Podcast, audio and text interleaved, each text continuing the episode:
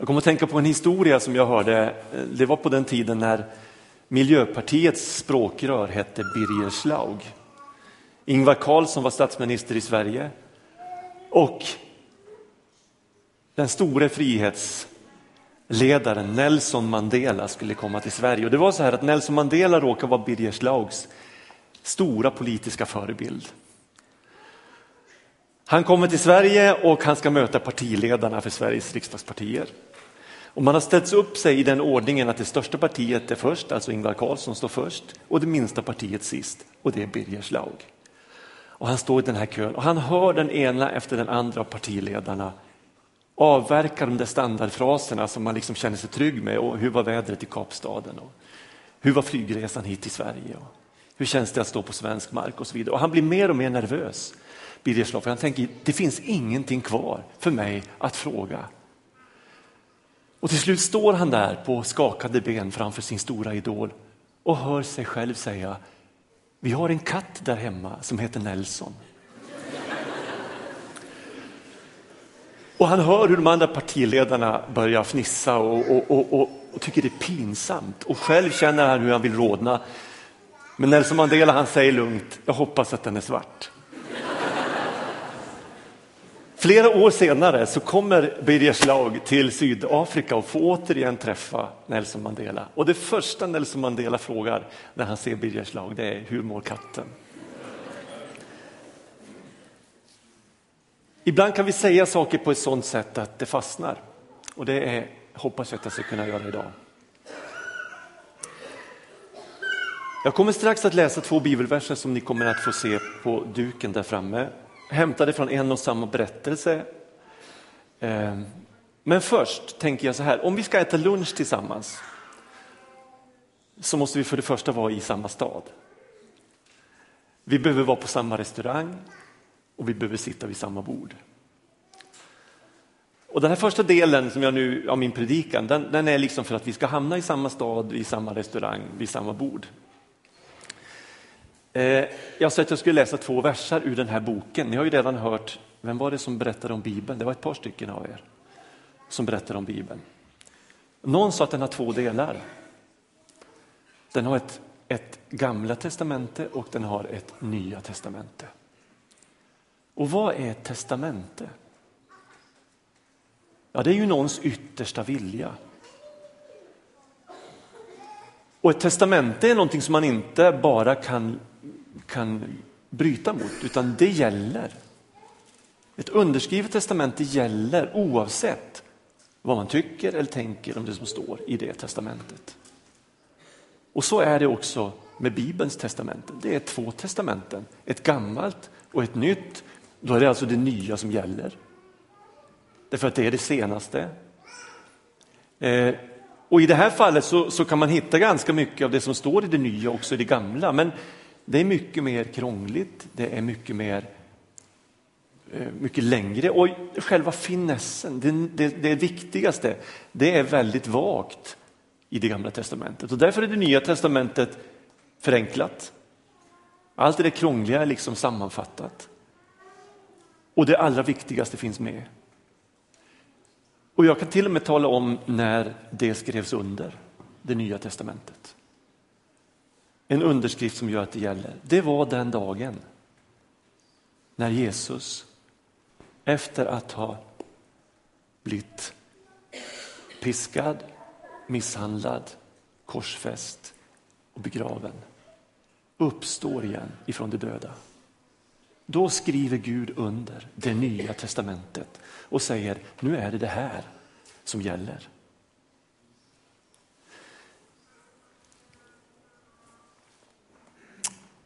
Jag ska läsa ifrån Johannes evangelium, precis som ni hörde någon läste lilla bibeln, Johannes 3 och 16. Det var Herman hette du va? Så älskade Gud världen att han sände sin enda son. Jag ska läsa från nästa kapitel, från det fjärde kapitlet i samma bok. Johannes evangelium. Varför heter det Johannes evangelium? Ja, ett evangelium, det är ett gammalt grekiskt ord som betyder goda nyheter. Och det användes när man kom ifrån slagfältet med segerbudskapet att nu är det inte längre krig, nu är det fred och vi har vunnit. Och den budbärare som kom från slagfältet med det här budskapet, med det här goda budskapet, kallades för evangelist. Så Johannes evangelium betyder helt enkelt Johannes goda budskap. Och innan jag nu läser de här verserna eh, så ska jag berätta lite kort om just den här texten jag ska läsa. Det är en vardagssituation. Jesus är på vandring med sina lärjungar. Han har gått långt, det är varmt, han är trött, han är törstig, han kommer till en brunn och där sätter han sig ner. Men brunnen är djup och han har ingenting att hämta upp vattnet med. Just då kommer det en kvinna gående till den här brunnen och det är mitt på dagen när alla andra har siesta. Och varför hon kommer till brunnen då, när det är som hetast på dagen, när ingen annan är där, det kan vi bara spekulera i. Men vi anar att hon inte gärna vill vara där när de andra människorna är där. Och nu sitter Jesus där. En vardagssituation. Ni vet, nästan alla världens religioner följer samma mönster. Ofta finns det en, en helig byggnad, ett tempel av något slag. Eh, en helig plats. Alla religioner har, har någon form av helig text. Och den är ofta väldigt svår, den är så svår och komplicerad så att vanliga dödliga som du och jag klarar inte av att begripa den. Alltså finns det oftast någon form av helig man, det finns en präst eller en imam eller en, en shaman eller en trolldoktor eller någonting som man liksom måste gå igenom för att komma till Gud. Någon som förklarar, någon som finns på den här heliga platsen. Och ofta kommer människor i alla religioner med skakande ben och med en stor, stor undran, kommer Gud att ta emot mig? Kommer han att älska mig? Och så lever människor med en fruktan över att tänk om Gud inte tar emot mig. Tänk om han inte älskar mig. Och det, det här kallas för religion, människans sökande efter Gud och människans vilja att försöka blidka Gud och, och få Gud att tycka om mig. Men kristen tro är något helt annat. Det är ingen religion på det sättet. Och Den här berättelsen som jag nu ska läsa visar vad kristen tro handlar om. Den handlar om att Gud redan har kommit till oss. Vi behöver inte söka honom, han har sökt upp oss. Han, han säger egentligen så här att det är inte så viktigt att du kommer inför mig med darrande knän för att försöka få mig att älska dig. Jag älskar dig redan, säger han. Så mycket att du aldrig någonsin kommer att kunna fatta hur mycket jag älskar dig.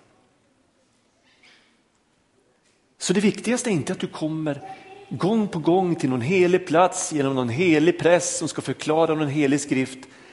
Utan det viktiga är att du litar på att jag faktiskt älskar dig mer än vad du någonsin kommer att kunna förstå. Och vill du göra min vilja, säger Gud, så ska du gå till den heligaste av alla platser där du oftast hittar mig. Och det är i din medmänniska. Där finns jag. Så vill du följa mig så gå till din medmänniska. Älska din medmänniska för det är den heligaste av platser. I Hermans hjärta, i, i, i Karins hjärta. Där bor Gud. Det är en helig plats. Och ni andra, vill ni följa Gud, då ska ni gå dit. Därför säger Jesus att det viktigaste av alla bud, förutom att älska Gud, är att älska sin medmänniska. Där bor Gud. Och den här friheten att inte behöva vara rädd för Gud, att inte ständigt komma inför Gud och tänka älskar mig eller älskar mig inte. Det är den frihet som Gud har kallat oss till tack vare Jesus. Och tack vare det kan vi vara fria att älska alla människor. Och när vi gör det så möter vi Gud. Och Det här bevisas tycker jag av att du kan möta människor överallt i världen som säger när fann jag livets mening? Jo, det var när jag började leva för någon annan än mig själv. Det var när jag började bry mig om människor runt omkring mig. Då upplevde jag att nu fick mitt liv mening. Varför? Jo, då möter jag Gud. Nu ska vi läsa de här två texterna. Eh, vi ser om vi får fram dem på bilden. Jag tror att det kommer en rubrik först. Otörstig. Eh, jag är norrlänning, jag kommer från en liten by utanför Lycksele och i Norrland sätter man O framför allting. Jag var på en second hand-butik nu när jag var hemma och hälsade på mina föräldrar och second hand-butiken hette Odyrt. Odyrt. Och eh, är man inte inne så är man oinne. Nej, det kanske, jag har några norrlänningar här som vet att jag överdriver nu. Men man sätter O framför i stort sett allting. Otörstig eh, betyder att man inte är törstig. Och nu tar vi bibelställena. Nu ser ni den här bilden framför er. Jesus sitter på brunnskanten, den här kvinnan kommer och så säger Jesus till henne, efter att ha bett henne om hjälp, han säger ge mig lite vatten. Så säger han till kvinnan, om du kände till Guds gåva och vem det är som säger till dig, ge mig att dricka, då skulle du ha bett honom och han skulle ha gett dig levande vatten. Nästa vers. Den som dricker av det vatten jag ger honom ska aldrig någonsin törsta. Det vatten jag ger skall i honom bli en källa som flödar fram och ger evigt liv. Skulle ni fråga mig vad konfirmation handlar om så är det precis det här. Det handlar om att hitta den här källan som gör att man kan leva precis som Andreas sa, inifrån och ut istället för att försöka leva utifrån och in och leva upp till alla förväntningar och alla krav.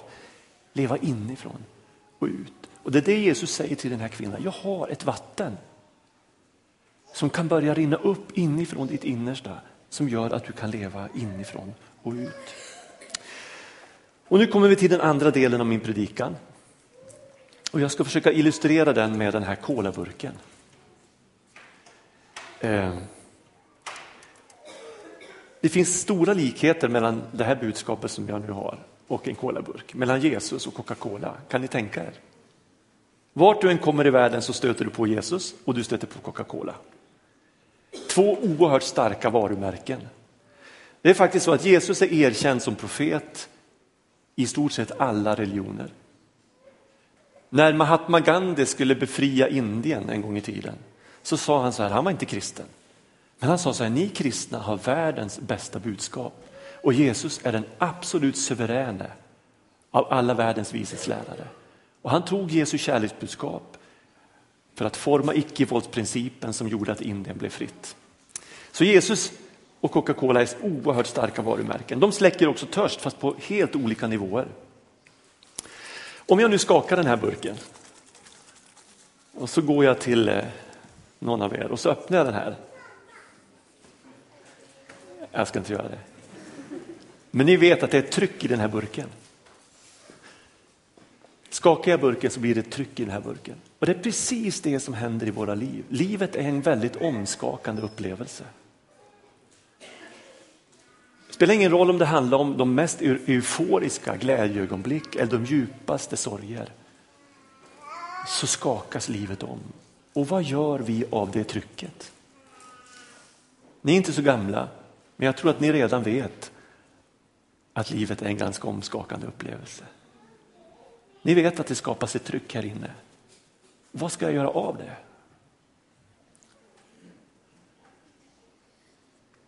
Kampen mot allt destruktivt, sjukdomar, sorger, förluster, glädjen över att få ett småsyskon. Allting skakar om oss och blandas och det är ett väldigt tryck här inne. Ett tryck som på något sätt kräver ett utlopp.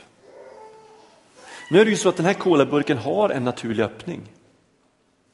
Längst upp på burken så finns en naturlig öppning. Och på samma sätt tänker jag mig att vi är skapade med en naturlig öppning mot Gud. Läser vi Bibeln så ser vi att den här kommunikationen mellan oss och Gud, bönen som vi hörde om, den finns där från början. Vi är skapade att dela livet med Gud. Inte bara det ljusa, det goda och det, det positiva utan också det jobbiga och det vi kämpar med och det, det vi tycker är jättesvårt. Allt ska vi dela med Gud. Sorgen, frustrationen. Läser vi Bibeln så märker vi att Bibeln handlar om precis allting i livet. Det ljuva, goda men också sorgen och det svåra. Bibeln står där utan censur. Det är inte tillrättalagt utan vi möter verkligen människor i livets alla situationer när vi läser Bibeln. Vi möter sorg, smärta, ondska. Vi möter också kärlek, och glädje och frihet, allt det sköna. Och vi möter framförallt Gud som uppenbarar sig för oss för att locka oss att öppna oss för honom. Tyvärr så använder inte människor den här öppningen. Jag såg för något år sedan ett tv-program med psykoanalytikern eh, Carl Gustav Jung. En del av er känner till honom. Har ni läst om Jung i skolan? Ja, det vet ni inte. Men han är i alla fall en berömd psykoanalytiker. Och han försökte förklara vad det är som händer med människan i de här omskakande upplevelserna. Och han sa det är som att köra spikar i botten på en butelj. Och vad händer om jag kör spikar i botten på den här burken? Ja, visserligen lätta trycket, men det leder alltid till tomhet. Jag kommer att stå här med en tom burk. Och innehållet här kommer att rinna ut på marken till ingen nytta.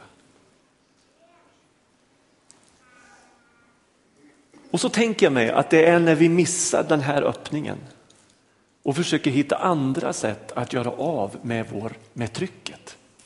Det spelar ingen roll om det handlar om vi söker i makt, eller vi söker i pengar, eller vi söker i sex, eller vi söker i droger, eller vad vi än söker i. Det är som att köra spikar i botten på den här buteljen. Trycket kommer att försvinna, men vi kommer att bli tomma.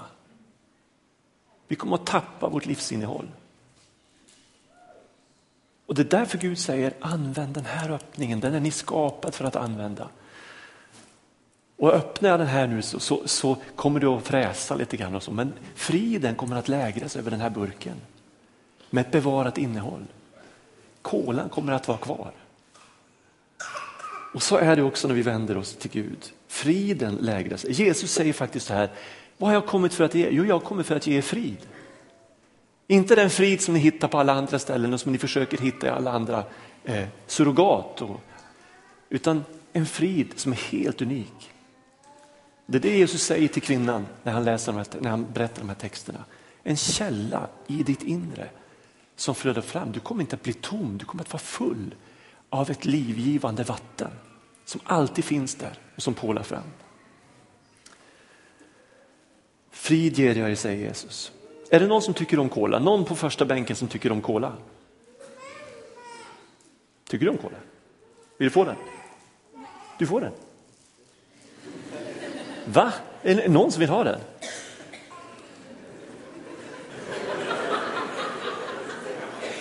Är det sant? Jo. Du gillar cola? Gillar du cola? Vill du få den? Det var väl inte så svårt.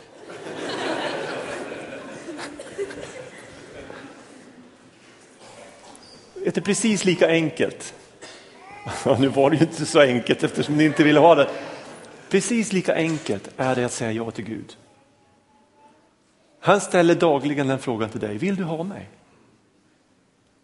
Tycker du om mig? Ja, du får mig, säger han. Ta emot mig. Så enkelt är det. Att varje dag använda den här öppningen upp mot Gud. Så enkelt är det att ta emot vattnet, det friska levande vattnet som Jesus talar om.